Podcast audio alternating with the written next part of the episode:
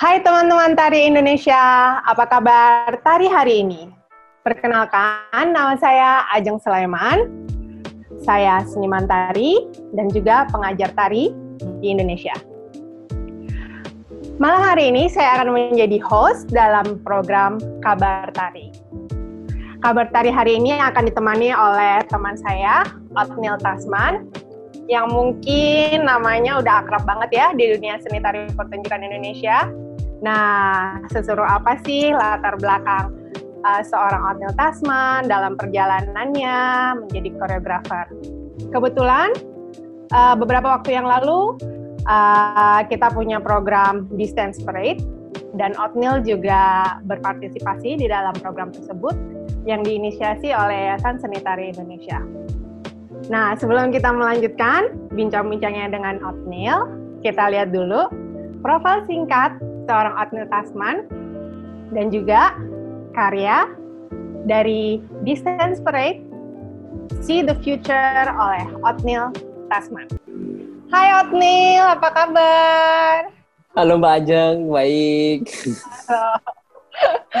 Aduh, udah lama banget nggak ketemu, ketemunya di layar laptop aku. iya, agak menyedihkan ya, tapi ya mau gimana lagi. Iya. iya. Nah, aku senang banget kali ini aku bisa bincang-bincang sama kamu karena sebenarnya aku udah kenal kamu cukup lama ya dari yeah. sejak yang kamu dibantu sama Mas Komar itu ya kalau nggak salah mm-hmm. kita kenalan terus kita nggak pernah tuh yang namanya ngobrol-ngobrol dan sekarang kayak aku dikasih kesempatan dari Seni Tari Indonesia untuk ngobrol uh, tentang perjalanan karir kamu dan semua proses karya kamu jadi aku senang banget oke okay, kalau gitu uh, teman-teman kita langsung mulai aja ya bincang malam hari ini bersama Hotel Tasman. Nah, pertanyaan pertama itu paling yang masih berhubungan dengan uh, distance parade dulu ya. Nah, di program ya. distance parade itu kan kamu uh, mengirimkan uh, karya See the Future kan. Tapi setahu aku karya See the Future itu bukan uh, karya yang pertama untuk dance film mm -hmm. kamu. Nah, mungkin kamu bisa ceritain gimana sih pengalaman kamu berkarya dengan menggunakan medium video. Uh, Oke, okay.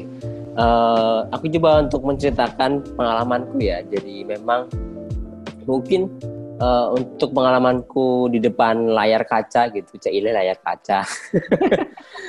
Jadi awalnya mungkin dulu karena aku ikut filmnya Mas Garin juga yang Setan Jawa itu pertama, iya. terus ikut jadi pemain dulu, jadi pemainnya Mas Garin yang Setan Jawa. Setelah itu aku uh, apa namanya ikut juga. Akhirnya aku disutradari sama saudara ada saudara uh, film di Solo namanya Mas Denny. Dia ngajakin untuk bikin film yang yang dengan judul jadi Jekso gitu. Jadi Jekso adalah bagaimana aku disuruh menjadi karakter seorang jaksa gitu di situ juga pengalamanku untuk menjadi uh, pemain sebagai jaksa dan juga menginterpretasikan aku sebagai jaksa. Terus aku juga bermain aku juga menggunakan penari juga. Di situ juga mulai latihan bagaimana aku harus uh, apa namanya membuat dance film gitu. Bagaimana saya harus menggunakan uh, kemampuan saya di bidang tari di bidang pertunjukan akhirnya masuk ke dalam frame film gitu setelah uh, jadi Jekso kebetulan saya kan juga di uh, di apa namanya diundang diundang yang dibutuhkan oleh Mas Garin untuk uh, jadi asistennya beliau gitu untuk menggarap film yang untuk karya planet itu. Jadi oh ya uh, jadi pengalamanku dengan Mas Garin pembuatan film uh, apa namanya planet ya mas.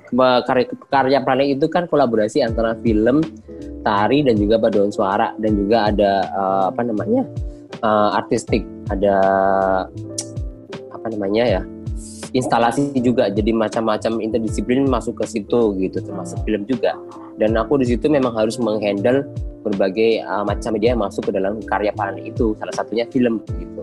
Uh, di pembuatan karya film planet itu juga uh, aku juga banyak banyak tahu tentang apa yang dipikirkan Mas Garin dan juga bagaimana proses akhirnya uh, syutingnya juga saya juga ada di samping beliau kayak gitu. Akhirnya saya juga bisa uh, belajar bagaimana Mas Garin me, me, apa ya bagaimana Mas Garin itu benar-benar simbol-simbol gitu ya? Ya termasuk memunculkan simbol-simbol dalam karya Planet simbolik banget ya iya terus memunculkan karakter-karakter penari juga supaya dia bisa bergerak secara natural atau organik gitu. Bisa keluar ekspresi atau karakter yang diinginkan oleh Mas Garin dalam karya planet tersebut gitu. Itu salah satunya juga. Terus akhirnya di di masa yang sama di masa yang sama juga aku menggarap karya nukilan cebolang gitu. Itu base nya dari surat centini juga yang aku ngambil dari cerita cebolang yang akhirnya aku bikin sebuah karya perjalanan saya sendiri gitu. Interpretasi saya tentang karya uh, tentang aku sebagai uh, pelaku lengger dan juga diriku sebagai penari gitu sebagai koreografer juga di situ. Ya di situ banyak hal yang bisa aku apa namanya ya harus memang berputar otak dulu bagaimana memindah uh, pertunjukan atau memindah uh, hal yang biasa aku lakukan ke dalam sebuah frame film juga. Salah satunya bagaimana uh, ekspresi tubuh itu bisa kelihatan, bisa terlihat jelas dan juga ada negosiasi tentunya dengan sutradara, dengan kameramen dan itu butuh proses yang menurut aku lumayan memakan pikiran dan uh, obrolan panjang gitu. Hmm, iya iya. Iya kira-kira seperti itu. Sih. Uh, tapi dari beberapa kali kamu bekerja uh, di dalam medium video, kamu udah menemukan nggak khasnya kamu itu seperti apa sih gitu? Atau kamu masih terus explore mencari gitu? Kan biasanya kan kalau misalnya uh, kita melihat medium video gitu ya ada koreografer oh dia khasnya tuh di sini gitu. Dia selalu ngambil angle dari sini gitu. Nah kalau kamu tuh apa sih uh, yang yang yang yang yang bisa kamu katakan kalau itu tuh khas kamu gitu Uh, kas aku kalau aku bisa katakan Spirit, ya, aku juga baru menyadari gitu, uh, baru menyadari belakangan ini lebih kepada tubuhku yang puitik gitu, oh, okay. yang puitik, I... yang punya bahasa tersendiri, yang akhirnya bisa terlihat ketika tubuh ini bergerak gitu. Oh, Tapi iya, itu iya. juga uh, aku juga masih masih membutuhkan sudut pandang dari kameramen juga, bagaimana yang memang itu menarik untuk bisa diekspos gitu. Mm -hmm Iya, ya, oke. Okay. Dan juga ekspresi, ekspresi tubuh dan juga ekspresi uh, wajah terutama juga itu juga penting gitu menurut saya gitu. Oh ya, oke. Okay. Berarti kamu lebih uh, menunjukkan kekasan kamu tuh di di di di, di situ ya secara visual. Iya. Uh, ya, aku sih bisa paham sih sedikit kalau ngelihat kemarin ngeliat video kamu gitu kayaknya kamu emang udah mulai apa ya, udah mulai kayak oh ini ini ini kayaknya oatmeal gitu. gitu. Jadi aku udah mau mulai bisa lihat kayak gitu. Oke, okay, terus uh, move on ke next question. Uh, kalau misalnya aku lihat si The Future, sebenarnya aku masih bertanya-tanya. Kamu mm-hmm. tetap munculin spirit Lengger Lana nggak di video itu? Kalau di See the Future itu aku masih tetap ya, karena aku beranggapan bahwa uh, lengger itu masih tetap ada di tubuhku mau dibawa ke mana saja itu masih tetap ada gitu. Jadi yang aku ambil di situ lebih perspektif bagaimana uh, kejujuran tubuh gitu dari lengger itu yang bicara apa adanya. Kalau di Banyumas itu ada istilah cablak gitu. Kalau mungkin di, di Jakarta ada nyablak kayak gitu ngomong apa adanya ngomong uh, A ya A B ya B nggak usah disimpan kayak gitu. Itu menurut aku yang lebih aku ambil perspektifnya dari lengger ke karya The Future First itu bagaimana tubuh itu lebih jujur pikiran lebih jujur pada saat itu juga gitu oke okay.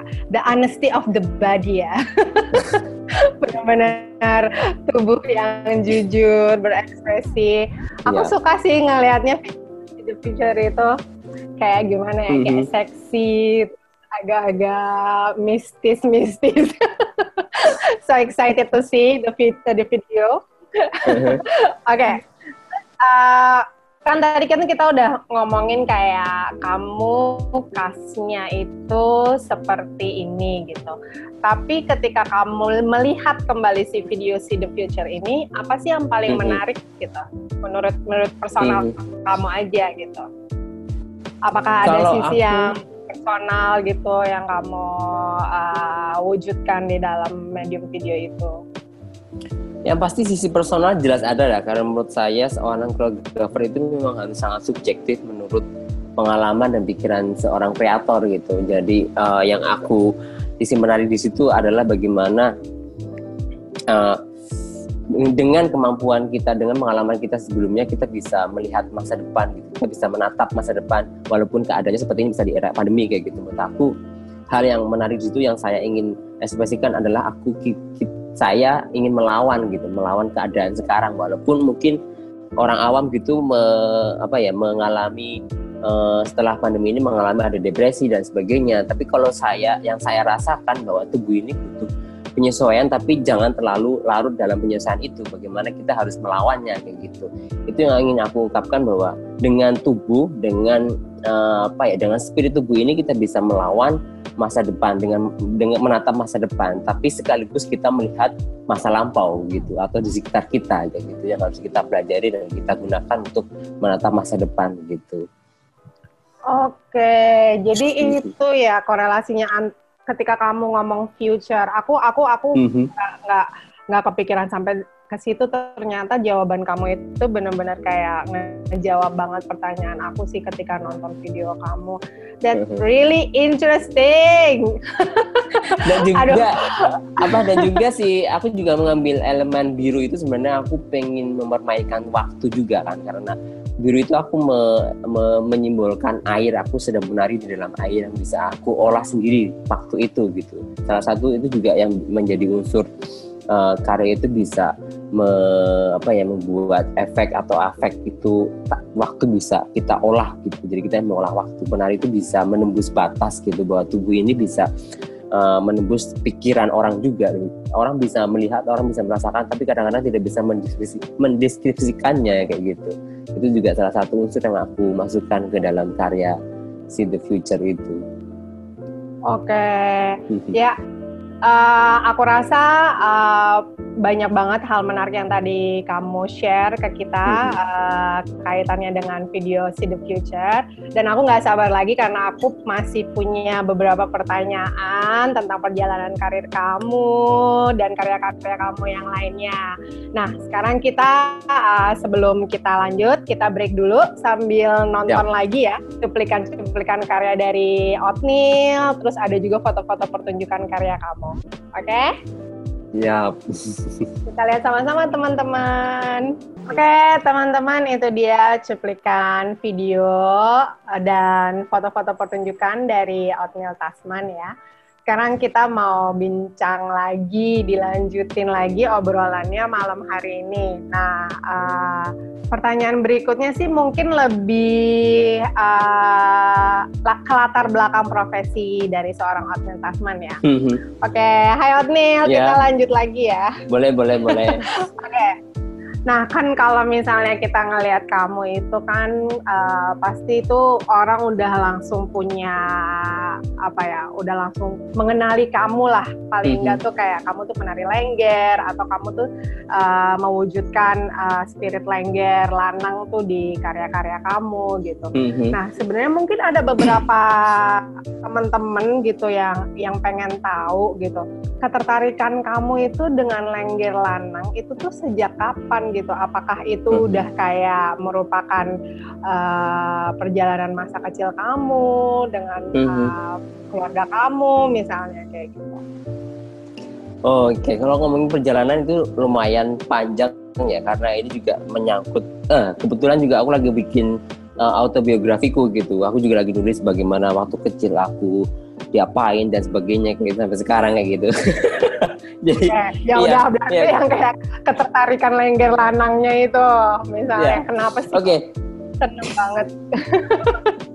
Jadi memang dari kecil itu uh, uh, tepatnya waktu itu tahun 96 ya kalau nggak salah. Itu aku terakhir melihat ada pertunjukan lengger di desa aku gitu.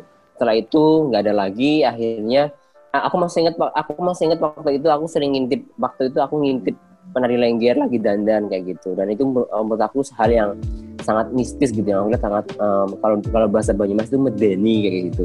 Terus ketika aku melihat pertunjukan lengger juga sangat erotis gitu bahkan kalau aku dikorelasikan dengan sekarang itu lebih erotis daripada Inul Daratista kayak gitu loh.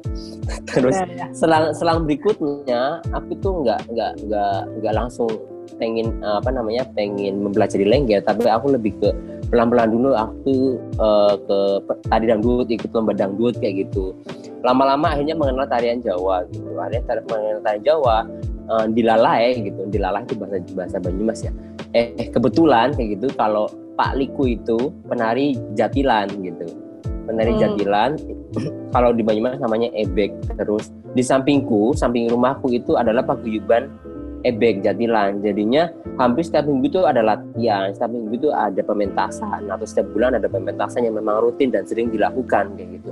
Jadi hal tersebut itu yang membuat aku uh, ingin belajar banyak tentang apa itu ebek. Ya dan mengenal lengger juga di situ kan di bagian dari pertunjukan ebek kan ada lengger ada sisipan tadi lenggernya di situ.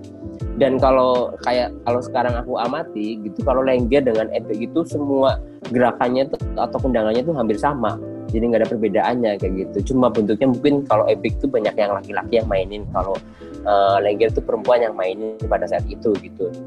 Yang akhirnya itu secara tidak langsung secara tidak sadar membentuk aku untuk uh, ingin mencintai atau ingin mempelajari tarian rakyatku terutama ebek dan lengger kayak gitu. Sampai akhirnya aku nggak boleh nari tapi tetap aja aku ngotot sama ibuku aku harus pengen nari kayak gitu. Sebenarnya ibu saya itu pengen aku tuh jadi seorang pendeta tapi aku nggak mungkin jadi pendeta kayak gitu. Terus akhirnya aku melanjutkan keinginanku untuk menjadi seorang penari gitu. Akhirnya di SMP aku mengenal bentuk-bentuk tarian lengger kayak gitu. Yang menurut aku juga hampir sama kendangannya sama musiknya sama cuma visualnya aja yang berbeda kayak gitu. Sampai aku melanjutkan ke SMKI sekolah seni uh, di Banyumas. Yang akhirnya pada situ uh, aku punya rencana ingin melanjutkan ke isi Surakarta kayak gitu dan uh, kecintaanku lebih lagi ketika aku mulai menggarap-garap uh, koreografi di masa perkuliahan di Surakarta yang akhirnya aku uh, mau tidak mau harus mengolah atau harus menggali apa yang ada di dekatku terutama tarian lengger gitu. Dan dengan kemampuanku selama dua tahun semester lima itu aku merasa sudah cukup untuk bisa apa ya menjadi uh, memulai menjadi diriku untuk menjadi seorang koreografer. Dari situ di umur itu akhirnya aku menciptakan beberapa karya gitu. Terutama awal itu aku menciptakan karya rockfall uh, terus ada mantra akhirnya barangan.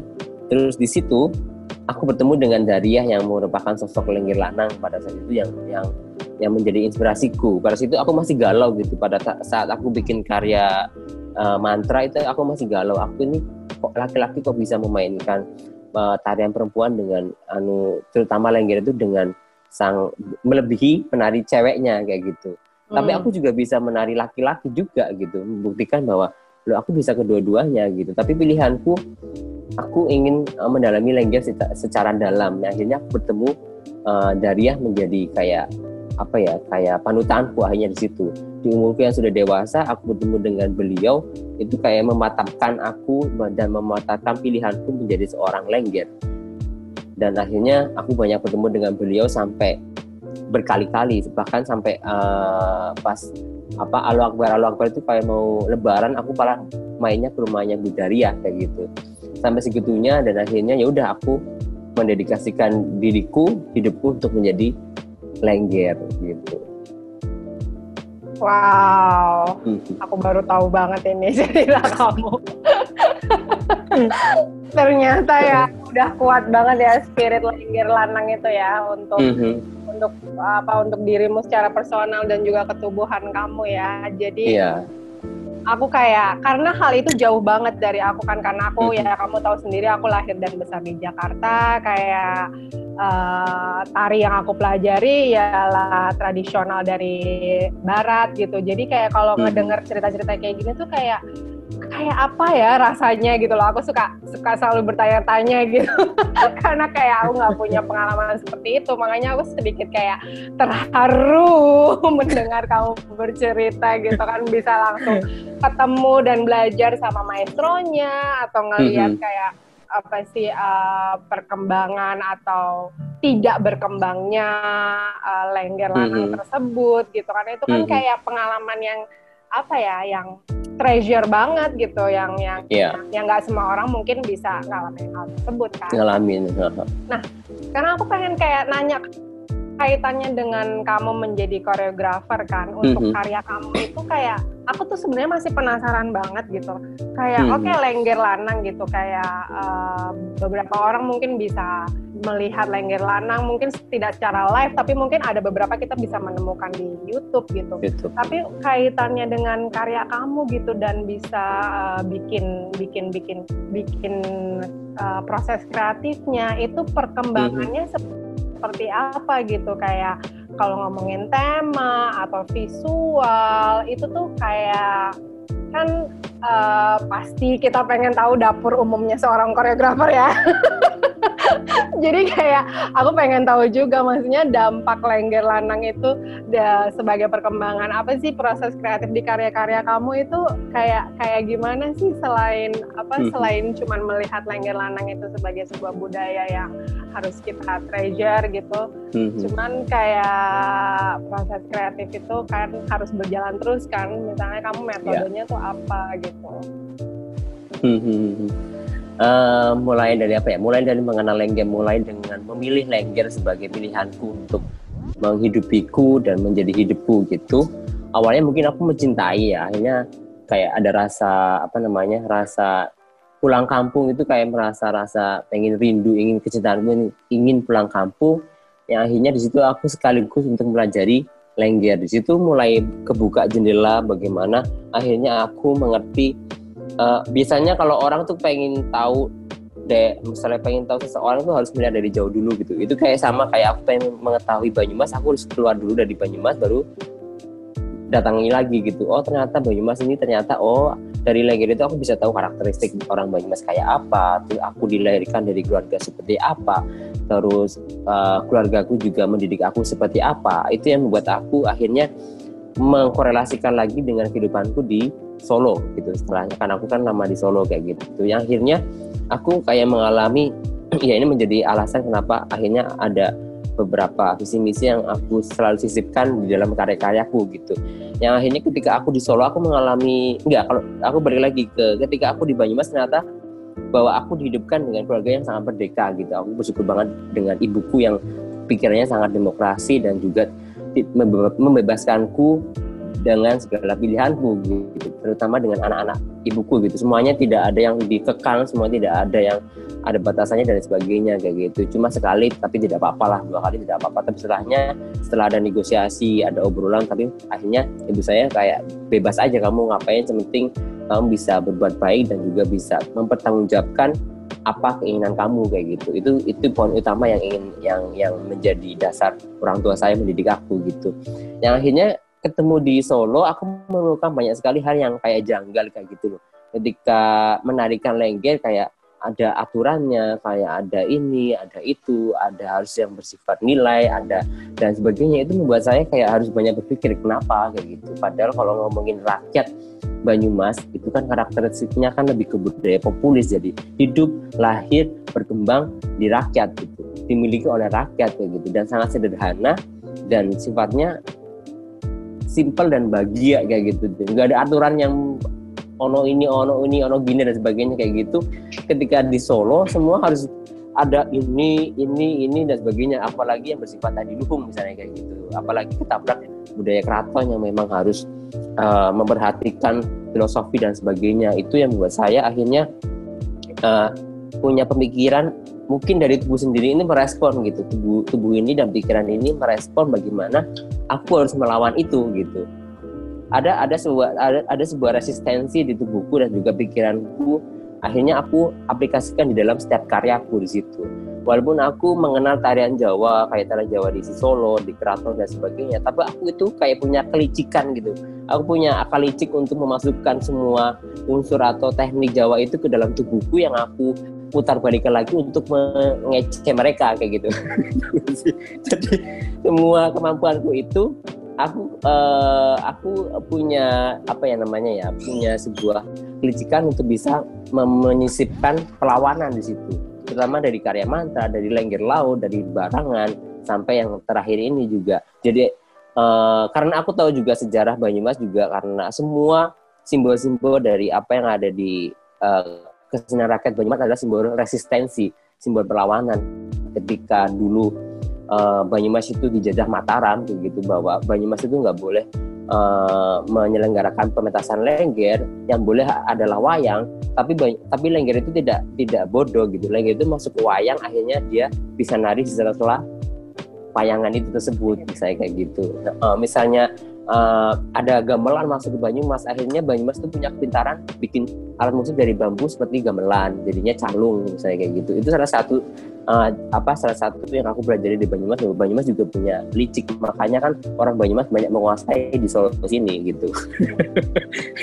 Terus ya spirit spirit spirit perlawanan itu yang aku masukkan ke dalam uh, setiap karyaku. Jadi spirit perlawanan dan resistensi terhadap hal yang bersifat adilhung itu yang membuat nafas dari uh, karya-karya aku bahwa kita dari rakyat, kita dari populis juga bisa kalau kita itu konsisten, kita itu stabil, kita tuh bisa bisa jadi adilhung juga, enggak harus yang bersifat adilhung itu harus keraton dan sebagainya. Itu yang menjadi apa ya, yang menjadi nafas, yang menjadi pembeda dengan yang lain. Kalau menurut itu, kalau menurut aku seperti itu gitu.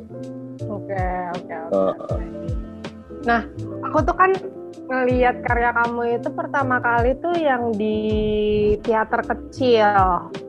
Ingat nggak sih kamu pertama kali pentas di Jakarta di teater kecil? Iya, yang on progress yang um, uh, ya yang sebelum IDF itu ya, yang emerging, iya, emerging. Ah, iya, yang emerging. Iya itu tuh aku suka banget, aku udah langsung yang jatuh cinta banget ngeliat karya itu gitu. Terus kayak aku juga abis itu kita bareng kan dapat hibah kelola kalau nggak salah ya, uh-huh. yang lengger laut ya. Lengger laut. Iya, uh, itu juga kayak maksudnya aku ya kayak metode metode metode pendekatan kita tuh berbeda banget gitu. Jadi aku masih sangat penasaran banget gitu kayak uh, oke okay, lengger lanang mungkin memang sangat tradisional gitu kan. Tapi kamu kayak uh, pernah kerja sama sama uh, atau karya-karya itu kamu kerja sama sama dramaturgi gitu nggak? Untuk kayak karena kan Kalau... kan kamu apa sih kayak ada uh, uh, komedinya, terus kayak bisa bikin penonton jadi rileks banget atau pengen kayak joget bareng gitu. Nah itu maksudnya kayak grafik itu tuh kamu ciptakan atas kreativitas kamu sendiri atau kamu kayak banyak ngobrol sama dramaturgi misalnya kayak gitu? Kalau pada saat itu untuk karya barangan misalnya di kasusnya di karya barangan aku lebih kepada percaya kepada pengalamanku risetku gitu di jalan pengalamanku risetku di lapangan yang aku aplikasikan ke dalam ruang pertunjukan. Di situ aku lebih jujur aja apa yang aku alami yang aku akhirnya kayak membolak-balikan uh, imajinasi penonton juga kayak gitu. Di situ akhirnya dramaturgi itu juga aku munculin sendiri mengalir gitu, mengalir sesuai dengan uh, apa proses bersama. Dan juga yang penting kita menemukan sebuah uh, kecintaan atau madness sampai kegilaan di situ. Yang akhirnya muncul dramaturgi yang akhirnya kayak mengalir aja sendiri akhirnya yaitu sebuah dramaturgi yang aku ciptakan base dari pengalaman riset kayak gitu. Oke, jadi itu kamu sendiri pure ya? Iya. Kayak kamu ini deh bisa menciptakan musikal untuk diri kamu sendiri. Karena aku tuh sangat bener-bener, aku tuh bisa banget yang kayak waktu itu nonton karya kamu tuh bener-bener bisa melepas tawa gitu loh. Kayak, uh-huh. oh my god, kenapa sih dia unik banget dan kreatif banget terus kayak bisa banget kayak ini tuh kita ngelihat tradisional tapi kita kayak ngerasa deket juga gitu loh dengan kehidupan hmm. sehari-hari. Jadi aku kayak um, bener-bener waktu itu kayak penasaran banget kan. Makanya aku ngobrol banyak waktu itu sama Komar tentang karya kamu gitu kan. Terus apalagi hmm. waktu itu dia sempet kayak kerja bareng sama kamu kan. Jadi aku kayak oh ya ya ya aku sedikit ya hmm. Mulai mengikuti perjalanan uh, kamu sebagai uh, koreografer gitu kan. Dan sampai ya, tapi kalau misalnya kerja dramaturgi itu kan memang dari awal memang aku memang kayak bekerja dan belajar sendiri tapi lama kelamaan setelah ada aku mengikuti workshop dari Arsamit terakhir Arsamit tahun 2016 kalau nggak salah itu akhirnya aku jadi menyadari pentingnya dramaturgi di situ. Oke. Okay. Kayak akhirnya uh, di tahun berikutnya ada Arko yang datang ke saya untuk menawarkan dia sebagai dramaturgi saya di karya Nosi Hiorit yang sampai uh, ya akhirnya karya berikutnya juga sama kita masih komunikasi sampai saat ini kayak gitu hmm, iya hmm. iya iya uh, iya mas aku aku ya maksudnya walaupun aku belum kayak nonton semua karya kamu gitu aku uh, sedikit sedikit ngobrol banyak gitu. Uh, terutama dengan suamiku sendiri sih karena dia emang teman ngobrol aku di kesenian. Terus kayak uh, pastinya kan kayak misalnya seorang kreator gitu kan kalau udah punya beberapa karya gitu kan pastilah ada gitu yang yang mm -hmm. yang yang yang yang yang kamu rasa itu paling berkesan atau itu favorit gue gitu. Kayak misalnya aku misalnya ditanya oke okay, karya kamu apa sih jeng yang paling kamu favorit? Oke okay, karya aku misalnya yang paling favorit itu yang uh, yang terakhir kelola itu gitu. Karena karya itu begini begini begini gitu kan. Nah uh, kalau boleh nih tahu rahasia secret favorit karya kamu tuh yang mana? Boleh satu dua sih. kalau kamu susah memilih oh, yang mana. kalau favorit itu sebenarnya semuanya favorit ya dari awal pertama itu karena melalui proses yang atau yang sangat mewakili gitu. kamu lah mewakili aku semua mewakili iya mak susah juga sih ya jadi kayak yeah setiap karya mungkin kayak merupakan beda-beda ya tergantung kamu tuh perkembangan hidup apa perjalanan hidup kamu gitu iya karena karya uh, karena karya itu kayak semacam rute perjalananku dari awal mengenal lengger sampai sekarang aku menyadari banyak hal yang aku sadari akhirnya aku mempertanyakan lagi dan aku ekspresikan lagi lewat karya gitu okay. seperti di mm, karya barangan karena aku melihat uh, apa namanya mirisku terhadap kesenian lengger yang ada di jalanan kota. Akhirnya aku bikin karya barangan itu me mengekspresikan bagaimana nasib seniman sekarang yang seperti pengamen misalnya kayak gitu. Terus yang karya lengger laut memang aku lebih ngomongin bagaimana perjalanan dari Daria sebagai penari lengger kayak gitu. Terus bagaimana transformasinya dari dari laki-laki menjadi uh, perempuan yang memang absurd kayak gitu.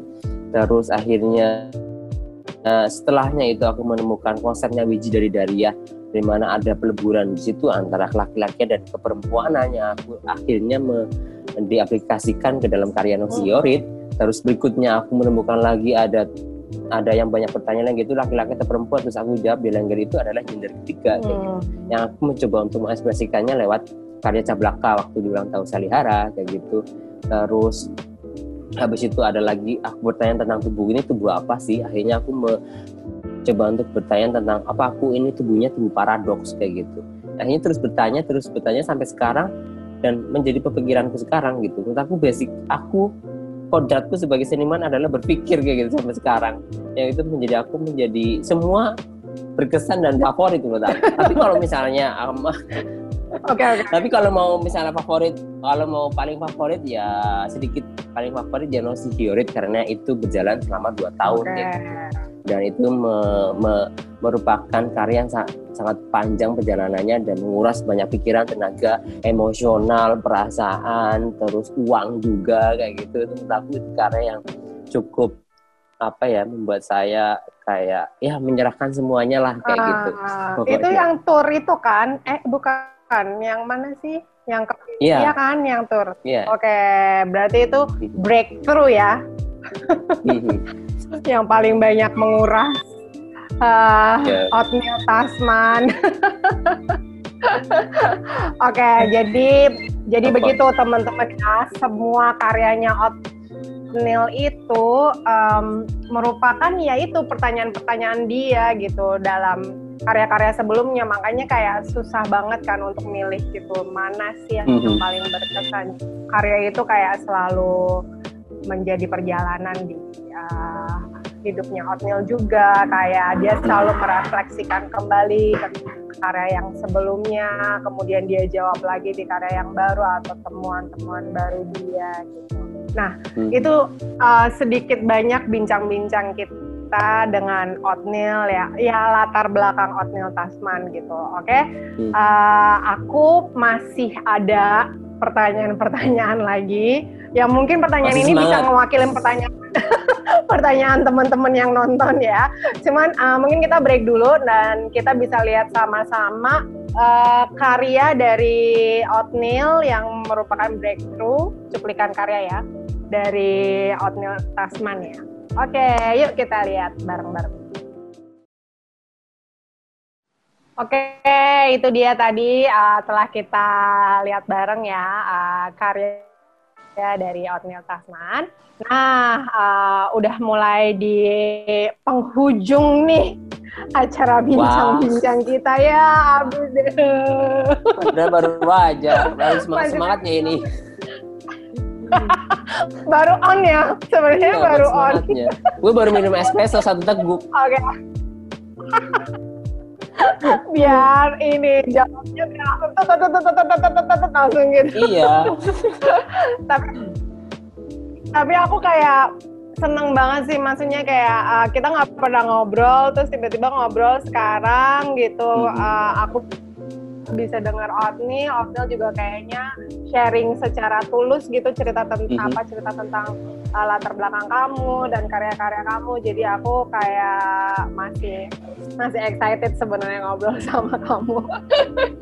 Besok ya kita udah, zoom kita sendiri aja. Lanjut lagi ya. Um, ya siap siap. Benar benar benar benar benar. Oke. Okay, um, sekarang nih segmen 4 sebenarnya pertanyaannya sih uh, agak-agak gimana gitu ya, agak-agak maksudnya uh, penting sebenarnya untuk mm -hmm. kayak uh, generasi kita selanjutnya kan, karena kan kayak uh, mungkin sih profesi kita itu susah banget ya mm -hmm. untuk ditekunin gitu, ya, nggak nggak nggak semua orang gitu pengen jadi koreografer, apalagi di di di panggung kontemporer hmm. gitu kan kontemporer atau eksperimental apalah itu uh, namanya gitu. Dan uh, menurut aku kamu udah berkarya da, berarti dari sejak aku pertama kali nonton kamu itu udah cukup lama kan aku belum nikah ya? Sampai sekarang udah ada 10 tahun kali ya? 10 tahun ya benar-benar 10 tahunan Iya, 10 tahun. Jadi kayak kamu masih tetap apa uh, berada di uh, platform tersebut dan kayak mm-hmm. putusnya tuh nggak putus lama gitu. Jadi mm-hmm. abis karya ini kamu langsung uh, riset lagi, kamu mm-hmm. langsung uh, memunculkan lagi pertanyaan-pertanyaan uh, untuk karya kamu selanjutnya kayak dan menurutku itu kayak berpengaruh untuk ekosistem uh, seni tari di Indonesia gitu kan karena hmm. kamu juga eh, nggak uh, cuman uh, bergerak sendiri aku kayak lihat di profil kamu kamu udah uh, berkolaborasi dengan uh, teman-teman koreografer di Indonesia ataupun uh, di luar negeri gitu. Mm-hmm. Jadi uh, bisa nggak sih kita uh, apa katakan ini semacam kayak langkah awal kamu gitu atau uh, cara kamu untuk terus menginspirasi uh, beberapa teman-teman uh, koreografer lain untuk uh, memajukan uh, ekosistem seni tari Indonesia. Atau kamu bisa juga kayak cerita apa sih pandangan kamu uh, uh, di seni tari Indonesia ekosistem kita saat ini gitu? Kayak apa mm -hmm. gitu perkembangannya? Karena kan kita secara regenerasi juga kayak yang muncul tuh misalnya generasi ini yang muncul paling cuma satu, terus generasi berikutnya lima, generasi berikutnya dua gitu. Jadi kayak uh, pandangan kamu terhadap ekosistem tari dulu deh, gimana di Indonesia? Kalau ekosistem uh, tari di Indonesia ya, kalau di sekitarku aja lah gitulah. Menurut aku memang perlu apa ya, perlu banyak support dari orang-orang yang terbuka gitu. Maksud aku orang-orang yang tulus untuk sharing orang-orang yang ingin berbagi dengan tulus kayak gitu. Maksud aku harus energinya harus lebih open mind aja gitu ke siapa pun gitu. Kalau misalnya aku dengan penariku walaupun kita jaraknya umurnya lumayan banyak tapi aku nggak mau membatasi itu uh, sebagai senior atau junior gitu kita masih sama aja. Bahkan kalau misalnya kita ketemu ya kita kayak temenan biasa kayak gitu. Dan kalau marah juga marah yang biasa. Bahkan nggak ada batasannya kayak gitu. Itu menurut aku bisa menimbulkan ekosistem yang bagus sebagai uh, ruang ruang diskusi yang menarik gitu. Ya akhirnya uh, generasi berikutnya bisa lebih kepancing uh, bisa lebih jujur apa yang dia pikirkan dan bisa lebih apa ya bisa lebih tahu apa yang mereka inginkan kayak gitu. Untuk uh, untuk me, me, apa ya untuk merealisasikan uh, pikiran dan juga pengalaman mereka ke dalam sebuah karya. Itu menurut aku sangat penting gitu. Jadi ekosistem sekarang mungkin banyak orang yang akhirnya tertutup gitu. Nggak mau ngomong nggak mau uh, sharing. Terus uh, ada juga yang masih sistem senior junior juga masih ada. Itu menurut aku yang harus pelan-pelan kita harus memahami bahwa itu harus segera kita apa ya uh, blurkan gitu yang akhirnya uh, ekosistem kesenian di Indonesia terutama, terutama tari bisa berjalan dengan baik gitu. Jadinya rame gitu. banyak saingan para bagus kayak gitu. Terus apalagi ya? Yang jelas kita punya seorang kreator kita punya harus membangun jaringan kita sendiri masing-masing gitu. Uh, uh, dengan pengalaman kita dengan cara bahasa kita sendiri kita bisa komunikasi dengan orang lain dan memaknai pertemuan dengan cara kita uh, dengan pemikiran kita kita kita bisa berbagi sharing itu akan menemukan hal-hal baru yang bisa memperkaya wawasan kita dan lebih terbuka terhadap pemikiran kita gitu. Kalau aku lebih memulainya pada pada waktu itu kebuka pikiranku pada tahun 2014 ketika aku ikut residensi di Cemeti Art House uh, itu pimpinannya Mas Nindityo di mana aku di situ di ditabrakkan dengan disiplin lain di mana pikiranku harus membaur dengan disiplin yang lain juga ada seni rupa, videografer, fotografer, terus instalasi, terus pertunjukan. Di situ aku belajar banyak bagaimana satu konsep bisa aplikasinya banyak hal dan itu menarik semuanya kayak gitu. Menurut aku kolaborasi juga salah satu poin penting untuk kita bisa struggle, kita bisa uh, apa ya memperkaya secara artistik gitu. Selain pemikiran juga artistik itu akan muncul dengan sendirinya kayak gitu. Yang jelas menurut aku hal semua banyak hal semua sudut pandang harus kita harus kita tampung nanti pada akhirnya secara sadar dan tidak sadar akan keluar sendiri di, di karya gitu karena aku percaya bahwa seorang kreator itu punya daya serap atau kepekaan tersendiri yang menangkap semua hal sehingga diserap oleh tubuh kita dan pikiran kita. Dan aku yakin bahwa pikiran dan tubuh kita itu cukup cerdas untuk menangkapnya untuk menjadi bekal kita ke depannya sebagai generasi muda yang berbakat dan berkarya gitu gitu kayaknya ya sesuai pengalamanku. Iya iya iya. Ya. Aku aku agak relate sih dengan apa maksudnya uh, dengan mm-hmm. jawaban kamu gitu. Uh, tapi juga aku tuh uh, pasti ya ada teman-teman yang khawatir kayak mereka tuh sebagian besar sih ini pasti mereka tuh mencari kesempatan juga di mana kesempatan di dalam dunia tari kan nggak banyak ya. Mm-hmm. Kayak misalnya aku dapat kesempatan misalnya di yayasan hibah yang waktu itu kita kepilih misalnya. Mm-hmm. itu kan kesempatan ya gitu tapi kan nggak semua orang bisa kepilih gitu ya. Mm-hmm. apalagi kita lagi pandemi kayak gitu kesempatan itu Makin semakin menipis menipis menipis. Hilang. Uh -uh, maksudnya apakah kayak dan uh, misalnya seorang Otnil gitu uh, enggak juga karena kamu dapat kesempatan terus kan kamu bisa terus menerus berkarya gitu pasti kamu ada usaha sendiri untuk mm-hmm. bisa mendapatkan platform supaya kamu bisa berkarya gitu mm. mungkin kayak hal itu yang bisa kamu share juga gitu kalau misalnya tentang kesempatan tuh apakah kita harus uh, nunggu atau cara apa sih supaya kita bisa malah mewujudkan kesempatan itu sendiri gitu kan hmm. gitu misalnya kesempatan itu adalah bonus kalau menurut aku. Kalau yang paling yang paling menjadi prinsip utama adalah bagaimana pikiran kita selalu visioner ya. Kalau orang bilang kata orang tua itu visioner lah kayak gitu. Selalu berpikir gitu bahwa uh, ada ide, terus ada banyak ide yang itu harus kita wujudkan. Gak cuma hanya di pikiran, tapi bagaimana caranya kita harus cepat-cepat mewujudkannya. Tidak harus uh, menunggu kesempatan itu datang, tapi bagaimana kita uh, harus cepat merealisasikannya, harus cepat kita sharingkan dengan orang terdekat kita, dan kita melakukannya, kita langsung bertindak kayak gitu. Nanti dengan sendirinya kesempatan itu akan datang. Itu yang itu yang selalu aku lakukan beberapa kali dan bahkan sampai sekarang misalnya. Kalau pada saat itu kemarin aku lagi menggarap tentang tubuh paradoks yang memang aku melalui riset yang lumayan panjang juga, yang akhirnya tiba-tiba uh, dari Kemendikbud dari pada itu ada pekan teater nasional tiba-tiba dia bertanya ke aku apa yang sedang aku kerjakan? Gitu. Aku sedang menggarap ini ideku tentang ini. Akhirnya relate.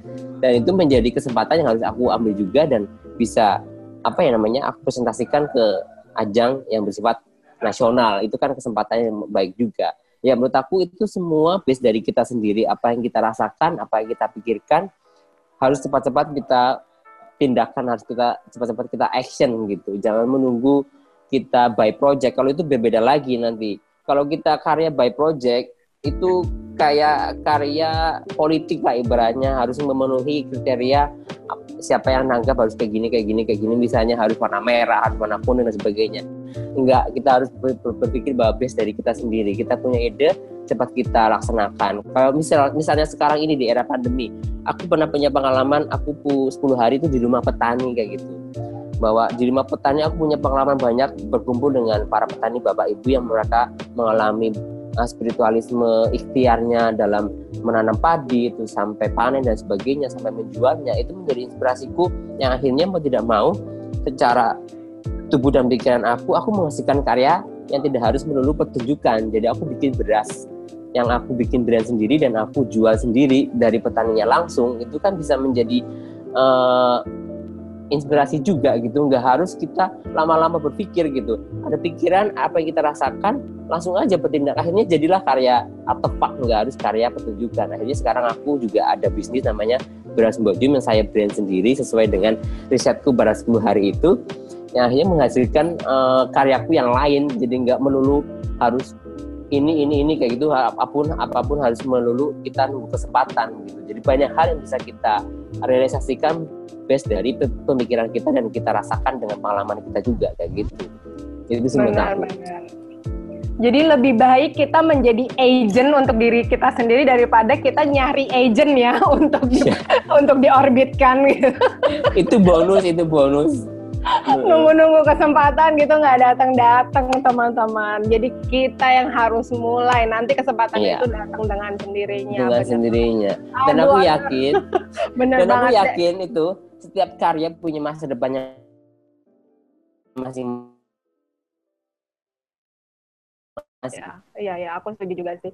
Kadang kayak mungkin kita kayak ngerasa kayak, aduh kenapa sih kok gue nggak kepilih gitu diajak nari di karya hmm. ini, kenapa sih kok gue nggak nggak nggak dapat kesempatan? Pastilah ada ya orang yang cenderung berpikir seperti itu terus gitu. Tapi kayak hmm. ya kapan lo mau maju kalau mikir gitu mulu gitu kan? Gak apa-apa, ya, sedihnya tadi, sedih boleh cuma sehari aja gitu. sehari aja. Tapi itu poin ada ada tadi poin yang menarik juga kayak ya kalau lo buntu di disiplin tari gitu misalnya bisa gaul juga sama disiplin yang lain malah hmm. banyak nemuin jawaban-jawaban atau temuan-temuan baru kan ya, yang kayak bener. misalnya gaul dulu deh sama lintas disiplin yang lain gitu hmm, hmm, hmm, mungkin itu jadi bisa menjawab pertanyaan atas kebuntuan kita gitu kan iya. jadi betapa pentingnya kita tuh kolaborasi dengan teman-teman kita sendiri ataupun uh, teman-teman di luar disiplin kita itu juga bisa menjadi hmm. kesempatan yang baru lagi gitu nah jadi jangan tuh sampai langkah hmm. awal. Uh-uh. Jangan sampai jangan sampai ini mau jangan sampai aku mau ngomong jangan sampai kita melewatkan uh, apa namanya pertemuan-pertemuan gitu. Maksud aku jangan sampai kita uh, membuang uh, waktu dan juga tenaga untuk nongkrong nongkrong kongko di mana-mana kalau kita nggak dapat manfaatnya kita harus dapetin sesuatu untuk uh, untuk ke depannya kayak gitu itu penting banget menurut aku.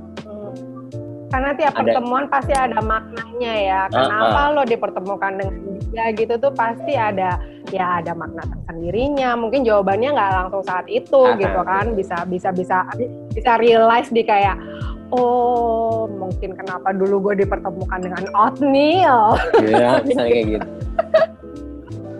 iya, aduh aku seneng banget apa obrolannya apa maksudnya aku bisa bilang sih obrolan ini sangat menginspirasi banget buat uh, teman-teman apalagi generasi Amin. kita yang Amin. Uh, yang masih struggle di dunia tari, yang masih bertanya-tanya mm -hmm. apakah ini profesi yang buat mereka gitu kan. Karena siapa lagi kalau bukan mereka yang nerusin uh, perjuangan kita kan gitu. Ya, benar. Dan uh, mungkin obrolan ini bisa kita tutup kayak uh, pesan terakhir Otnil deh, maksudnya harapan apa sih uh, terhadap dunia tari atau harapan apa terhadap uh, teman-teman adik-adik generasi berikutnya gitu? Uh, kamu mau ngomong apa? Kalau harapanku uh, sebagai seorang seniman, aku lebih kepada menganjurkan untuk jujur kepada diri kalian sendiri gitu jujur terhadap tubuh kalian sendiri, jujur terhadap jiwa kalian sendiri, uh, dan uh, kalau kalian uh, jujur terhadap itu semuanya dan kalian itu bisa mempertanggungjawabkannya itu menurut aku sudah sebuah uh, apa ya jalan yang baik untuk kalian menjadi seorang kreator dan juga menjadi seorang manusia. Menurut itu yang menurut aku sangat penting buat sekarang gitu. Karena ya sekarang uh, era di mana banyak orang muda yang kebingungan apalagi adanya teknologi dan sebagainya. Yang penting menurut aku percaya aja bahwa tubuh dan pikiran itu lo sudah lebih cerdas kayak gitu untuk menata masa depan kayak gitu. Benar pikiran yang cerdas, tubuh yang cerdas, yang jujur gitu kan yeah. untuk diri kita gitu. Mm-hmm. Oke. Okay. Makasih banget Otnil udah ngobrol bareng sama aku ya. Pasti teman-teman dari uh, Yayasan Seni Tari Indonesia juga bangga banget Amin. bisa bisa ngobrol dan menghadirkan kamu di kanal YouTube kita. Amin ya Allah. Semoga uh, bincang-bincang kita ini ya uh, jadi highlight jadi highlight teman-teman tari atau teman-teman yang di luar tari juga mungkin pengen tahu tentang dunia tari atau pengen tahu siapa uh, Otnil Tasman latar belakang dia itu bisa langsung nonton di sini ya jangan yeah. lupa seperti biasa kanal YouTube-nya di subscribe di like, di share, biar teman-teman semua nonton jadi viral seorang Amil Tasman. Amin, ya ampun. Amin. Aku jadi kamu jadi spiral. Terus. Amin. Spiral. Gak bisa banget aku dipancing spiral. Oke. Okay. ya udah, aku doain kamu sukses terus, tetap Amin. humble kayak kamu sekarang, tetap ceria. Amin. Amin. Dan, uh, jadi inspirasi buat kita semua ya, Otnil ya. Amin ya Allah. Ya.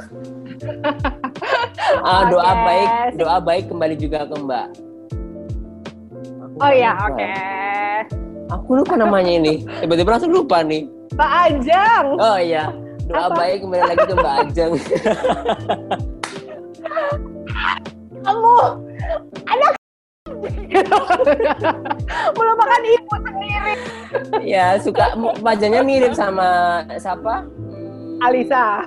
Alisa iya, jadinya aku bingung. Yang ini aja adanya Alisa. Pasti lebih mudahan aku dong daripada Alisa mukanya ya enggak? iya dong. lebih lebih iya dong, lebih tirus. Lagi, lebih terus iya dongnya berjarak uh, iya dong kan harus semoga gitu bagian dulu. obrolan kita ini nggak jangan diedit ya seni tari Indonesia aku dibilang lebih iya, muda iya, daripada iya. Alisa Oke Otnil, terima kasih lagi ya. Kita say pamit dulu buat teman-teman seni tari Indonesia. Yeah.